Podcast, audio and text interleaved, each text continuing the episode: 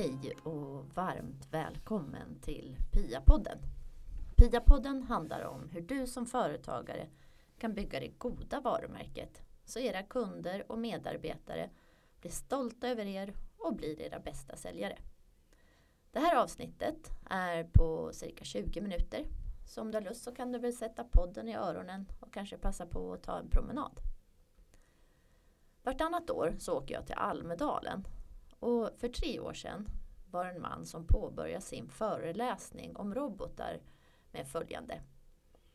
Gud skapade människan till sin avbild och människan skapade roboten till sin avbild. Vilken moral ska roboten ha då människan inte har någon moral? Jag tänker att vi människor står i ett vägskäl och det gäller att vi sätter upp goda syften inför den utveckling vi har framför oss. Att vi sätter upp starka, goda visioner om framtiden som vi kan navigera mot. I dagens avsnitt så kommer vi gå igenom tre punkter. Den första punkten är att vi ska göra en framtidsspaning. Från AI till AR och några hållbara livsstilar. Vi ska sen backa tillbaks till idag och lyssna på några studier som visar att det är lönsamt att bygga det goda varumärket. Och även diskutera vad som hindrar företag från att göra det. Sen ska vi förflytta oss själva till året 2050 för att se om vi där kan hitta en ledtråd till er företagsvision. Jag heter Pia Andersson och jobbar som varumärkesledare, föreläsare och författare. Och jag har en dröm. Min dröm är att det är vi företagare som tillsammans har sett till att vi har nått de globala målen. När vi har nått de globala målen då lever vi i en fredlig, rättvis och jämlik värld helt fri från fattigdom och klimathot. Och jag vill uppnå min dröm tillsammans med dig och därför driver jag PIA-podden. Vi börjar med den första punkten, en framtidsspaning. Jag tog hjälp från er på Facebook från förra avsnittet med tråden hashtag den goda framtiden. Och jag fick en hel del svar. Tack snälla ni, det var väldigt roligt och spännande att få lyssna på alla goda framtidstankar. Och utifrån dem så har jag satt ihop hur en söndag skulle kunna vara för mig eh, någon gång runt år 2050. Jag vaknar på morgonen bredvid Niklas. Jag hör att barnbarnen redan vaknat. Vi är barnvakt. Och att det luktar nybakat bröd. Vår gulliga husrobot skramlar i köket och jag hör att de förbereder frukost till oss. Men vår husrobot hon får också god hjälp. Hon har ju några kompisar där i köket som hjälper henne. Kylen, frysen, spisen och ugnen. För tack vare Internet of Things så kan våra teknikprylar prata med varandra och lösa problem som uppstår.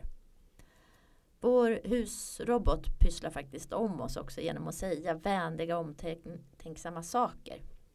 Hon frågar hur vi mår, om vi sovit gott, hur det har varit på jobbet. Och våra barnbarn, de älskar vår husrobot. För hon är så uppfinningsrik. Hon hittar på massor med roliga lekar till oss. Igår så lekte vi kurragömma innan vi gick och la oss.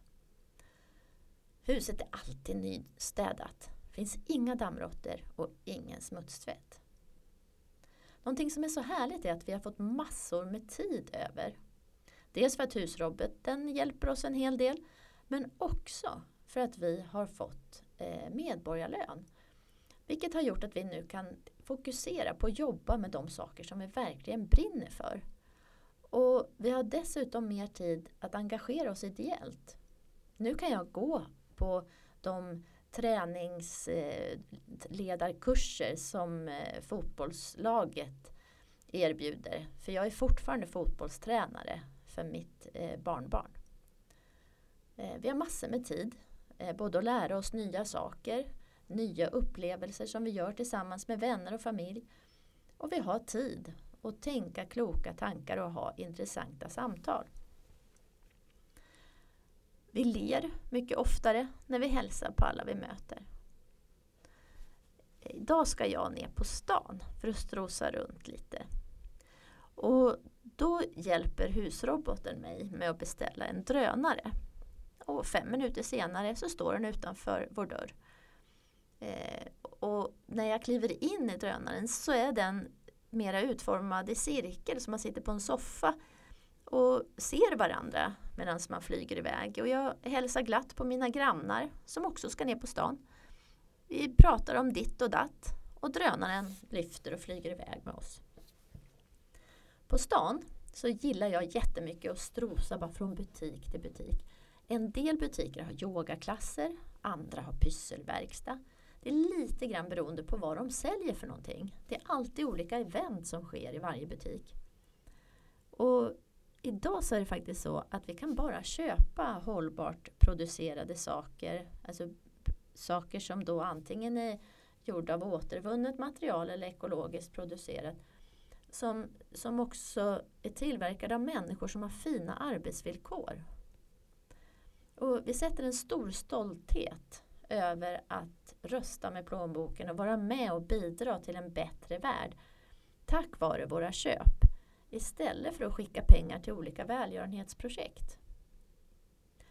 Våra barnbarn de är jätteförvånade över hur vi tidigare, förr i tiden, kunde köpa produkter som var skapade av människor som jobbade under slavlikna förhållanden i andra länder. De tycker att vi borde ha vetat mycket, mycket bättre än så och inte stoppat huvudet i sanden och låtsas som att vi inte såg hur de hade det bara för att de var i ett annat land.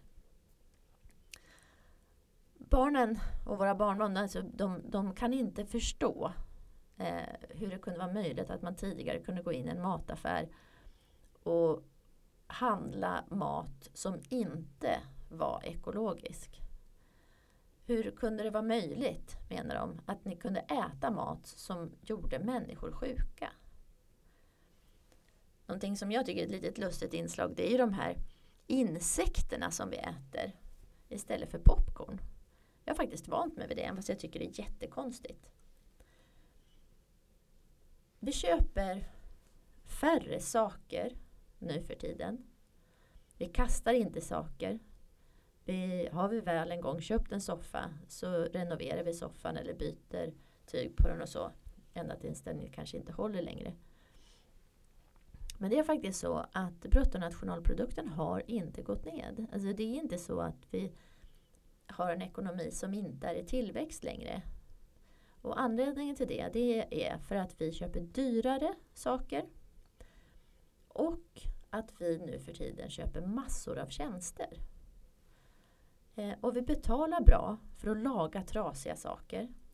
Och något annat som har hänt i butiksvärlden är ju inte bara det att de har event där utan det är också som nu när jag var nere och köpt, eh, eh, var nere i skobutiken så hade jag med mig mina gamla skor och lämnade in dem för lagning. Och samtidigt så tittade jag i skobutiken på om de hade några fina begagnade skor. Eller om jag skulle köpa nya. Och mina kläder, mina favoritkläder när de går sönder nu så lämnar jag dem in till den butik där jag köpte dem eh, till en sömmerska som hjälper mig att laga mina kläder. Men allra allra helst så är det faktiskt så att alla de här teknikprylarna eh, eftersom de nu är hopkopplade i Internet of Things också och pratar med varandra så är det faktiskt så att vi lisar hela det systemet av, av spisar och ugnar och diskmaskiner och tvättmaskiner och dammsugare. Allt eh, Eh, så lisar vi det. Vi, vi betalar för att ha dem. Och det som är så intressant med det, det är ju att nu när leverantörerna äger produkterna fortfarande och systemet, Internet of Things, så står ju de för kvaliteten och kostnaden för servicen då sakerna faktiskt går sönder. Och det här har fått otroliga konsekvenser för kvaliteten. Idag så går inte saker sönder lika lätt. Och vi är inte det vi äger längre. Vi sätter inte ett värde på alla de där yttre attributen. Utan det är faktiskt vår medmänsklighet och hjälpsamhet med andra som värderas högre. Vi har fortsatt med nomineringen av samhällshjältar. Men idag så får de som vinner även en fin titel som de kan lägga till i deras efternamn. Eh, på motsvarande sätt som man gör i England. Ni vet man kan bli adlad i England. Eh, och då får man lägga till Lord eller lady till sitt namn. Och på motsvarande sätt så är det nu en stor ära att få bli samhällshjälte och få lägga till den här fina titeln i sitt efternamn. Allt är röststyrt. Vi har inga lysknappar, inga fjärrkontroller och inga tangentbord. Och på företaget så ägnar jag minimal tid till att administrera. Jag behöver bara berätta vad som ska faktureras och vad som ska betalas för våran AI-admi. Och sen så ser vår admi till att fakturan betalas av kunderna, bokför alla kostnader och intäkter av sig självt för att sen summera det i en årsredovisning och deklaration. Och ibland så kommer admi även med goda råd till mig om företagets framtida ekonomi. Vi har faktiskt fått en till eh, robot på företaget. Det är vår AI-vaktmästare. Och hon hjälper oss på företaget att göra rätt saker.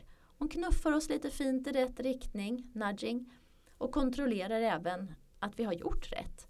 Det kan vara allt från hur vi sköter vår hälsa, klimatavtryck, till hur vi pratar med varandra och kunderna.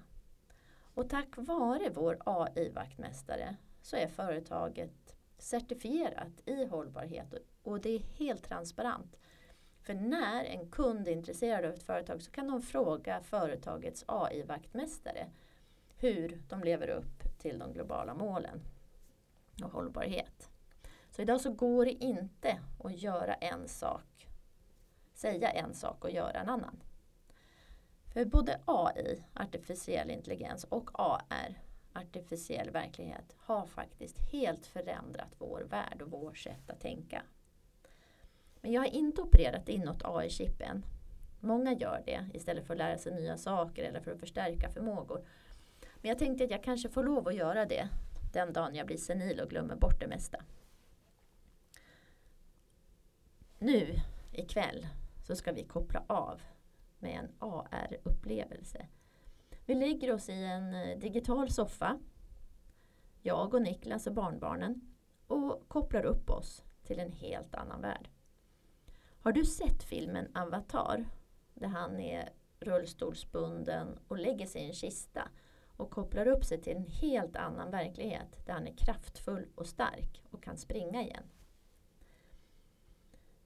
Vi lägger oss i soffan och vi tar oss till en helt annan värld. En magisk undervattensvärld ska vi till ikväll. Vi ska utforska korallreven i Röda havet. Men barnbarn har också berättat att de på sina historielektioner i skolan har varit på vikingatiden. Så dit har vi lovat att vi ska åka imorgon. Det låter så spännande. Någonting som jag verkligen uppskattat med det här teknikskiftet är att vi har varit så mycket klokare än vad vi var vid förra teknikskiftet. För vid förra teknikskiftet, då vi fick diskmaskin, spis, tvättmaskin, rinnande vatten, då valde båda föräldrarna att börja heltidsarbeta båda två. Istället för att båda valde att jobba halvtid. Den här gången så har vi valt att tänka helt annorlunda och värdesätter andra saker och egenskaper än att bli rikast och mäktigast. Vi vet att vårt värde inte har att göra med vår inkomst och vilka saker vi äger. Vi sätter stort värde på vår tid och relationer med människor. Vi lever nu i en helt fredlig, rättvis och jämlik värld. Fri från fattigdom och klimathot. Välkommen till min framtid 2050. Hur ser din framtid ut? Nu ska vi till agendans punkt två. Eh, vi ska backa tillbaks till idag och lyssna på några studier som visar att det är lönsamt att bygga det goda varumärket. Och några undersökningar som visar vad det är som hindrar en del företag från att göra det. 2017 så genomförde Consulting, Boston Consulting Group en studie på 300 företag i en rad olika branscher. De intervjuade bland annat 200 personer också på 20 företag. Studien syftade till att mäta företagets sociala ansvar och ansvar för miljö och deras ägarstyrning. Och det man kunde se det var att företag som integrerar hållbarhet, alltså social och ekologisk hållbarhet i sin affärsstrategi vinner en hel del fördelar. Bland annat så öppnar det upp nya marknader och kundsegment. Eh, det inspirerar till nya innovationer, nya tjänster och produkter. Eh, de reducerar kostnaderna i produktionen. De får högre kundlojalitet och större förtroende från kunderna. De eh, kan sätta ett högre pris. De attraherar och behåller de bästa talangerna. Och stärker relationen till samhället och nationen. Det finns också andra studier som visar att eh, ett företag som har ett högre syfte än företaget självt. Det vill säga att, att man har ett högre syfte än att bara bli rikast, mäktigast och starkast. Ett företag som har ett högre syfte än sig själv har mer engagerade medarbetare och man pratar faktiskt om att engagemanget ökar med hela sex gånger. Och kundernas förtroende för företaget ökar och därmed så ser man också en ökad lönsamhet. Alltså borde det inte finnas något som hindrar oss företagare från att eh, integrera hållbarhet in i våra strategier. Men en del företagsledare menar att det räcker att företaget drivs inom rådande lagar och regler och med ett vinstintresse. För det är vinstintresset som får företag att tänka långsiktigt och bry sig om sitt rykte. Andra företagare de har valt att tro att först behöver man skapa en lönsamhet i företaget. Sen kan man dela med sig till andra. Hur eh, tänker du kring de frågorna? Idag så förväntar sig faktiskt kunderna att du som företagare jobbar hållbart. Svensk Handels rapport från förra året säger att 8 av 10 konsumenter gör medvetna val och väljer hållbara produkter före andra. Det är ju faktiskt svårt att driva ett företag med vinst om man inte har några kunder, eller hur? Men hur tänker då företagarna? Jo, därför så gjorde Företagarna en undersökning och organisationen Företagarna gjorde en undersökning år 2014. Och FN gjorde en undersökning 2018. Eh, den första undersökningen som Företagarna gjorde den riktade sig mot företag upp till ungefär 50 anställda.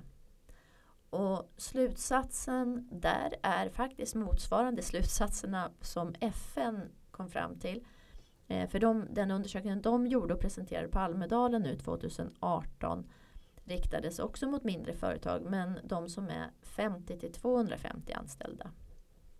Och slutsatserna från båda de här undersökningarna säger att merparten av företagen tycker att det är viktigt med hållbarhet och de vill gärna engagera sig. Många har, nästan hälften har engagerat sig men de vet inte riktigt hur. Och de säger sig alla att de behöver mer resurser. De behöver hjälp. Och att de säger så tänker jag beror av fler anledningar. En är att mindre företag har inte eh, de specialisterna anställda på ett företag som enbart jobbar med affärsutveckling. Så de har inte de resurserna. Men en annan anledning är att det, det finns ju också en kunskapslucka om vad hållbar affärsutveckling är. Vad är det för någonting? Är det välgörenhet eller hur ska man jobba med sin affärsutveckling? Där finns det faktiskt mycket att fylla på med kunskap. Och sen så finns det faktiskt en, en, en annan anledning och det är det att mindre företag har oftast inte en etablerad affärsutvecklingsprocess i företaget. Och Det här är kanske den stora skillnaden gentemot de stora företagen. För de stora företagen har etablerade affärsutvecklingsprocesser i sina företag. Och för dem var det ju bara att jacka i hållbarhetsperspektivet in i sin affärsutveckling. Medan mindre företag inte har någonting att jacka i hållbarhetsperspektivet i. Så det finns, tänker jag, olika anledningar till varför det är svårt för mindre företag att engagera sig. Men å andra sidan så är det ju faktiskt så att företag då som är lite mindre kan ju åtnjuta ännu större effekt av att börja jobba med hållbar affärsutveckling. Både utifrån fördelarna att bara jobba med strukturerad affärsutveckling och lägga den processen överhuvudtaget. Och genom att integrera hållbarhet. Och jag tänker att när studie efter studie visar att det är lönsamt att integrera hållbarhet in i företagets affärsstrategier och inte jobba med det som en utanpåliggande hållbarhetspolicy eller som någon form av välgörenhet så är ju egentligen frågan bara hur gör man? Och det är därför jag driver den här hållbarhetspodden. För att visa dig som är ett mindre företag hur man faktiskt gör. Och det första steget det är att sätta sin vision, företagets vision och koppla den till de globala målen. Så tänkte att vi nu ska ta oss framåt i tiden och se om vi tillsammans kan starta någonting som kan leda till en vision för er så småningom.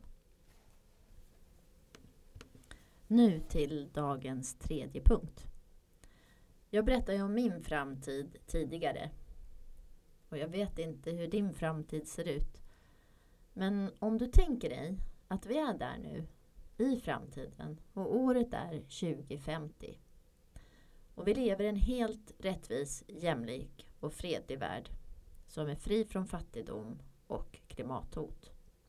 Och vi sitter där och funderar på hur vi faktiskt lyckades vända den här nedåtgående spiralen vi var i förut. Eh, och vi funderar över om det var nya lagar och regler Eh, eller var det artificiell intelligens som med en intelligens större än människans hittar nya hållbara lösningar på våra problem? Eller var det AR, artificiell verklighet, som hjälpte oss att uppleva nya platser utan att vi flyger? Eller var det kundernas krav på hållbara lösningar och företagsledarnas egen vilja om att vara med och bidra till en godare värld som gjorde att vi lyckades. Om du tänker dig nu att du sitter där långt fram i framtiden. Du är på ålderdomens höst och du sitter och blickar tillbaks på ditt liv. Du har barnbarn och barnbarnsbarn sittandes omkring dig. Och du funderar över meningen med livet. Och plötsligt så frågar barnbarnen dig vad du och ditt företag var med och bidrog till så att vi lyckades vända utvecklingen i världen. Vad svarar du stolt då? Den här frågan har följt mig ganska länge. Och när jag började leta efter mitt svar på den här frågan så fanns inte de globala målen. Men sedan 2015 så finns de.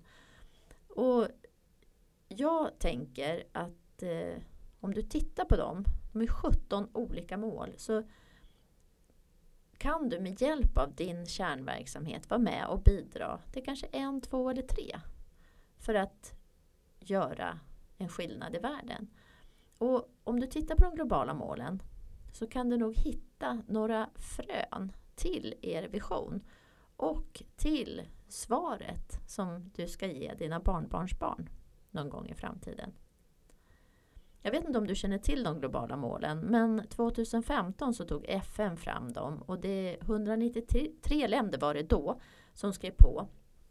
Och de gäller ju både för nationsnivå, organisatorisk nivå och individnivå.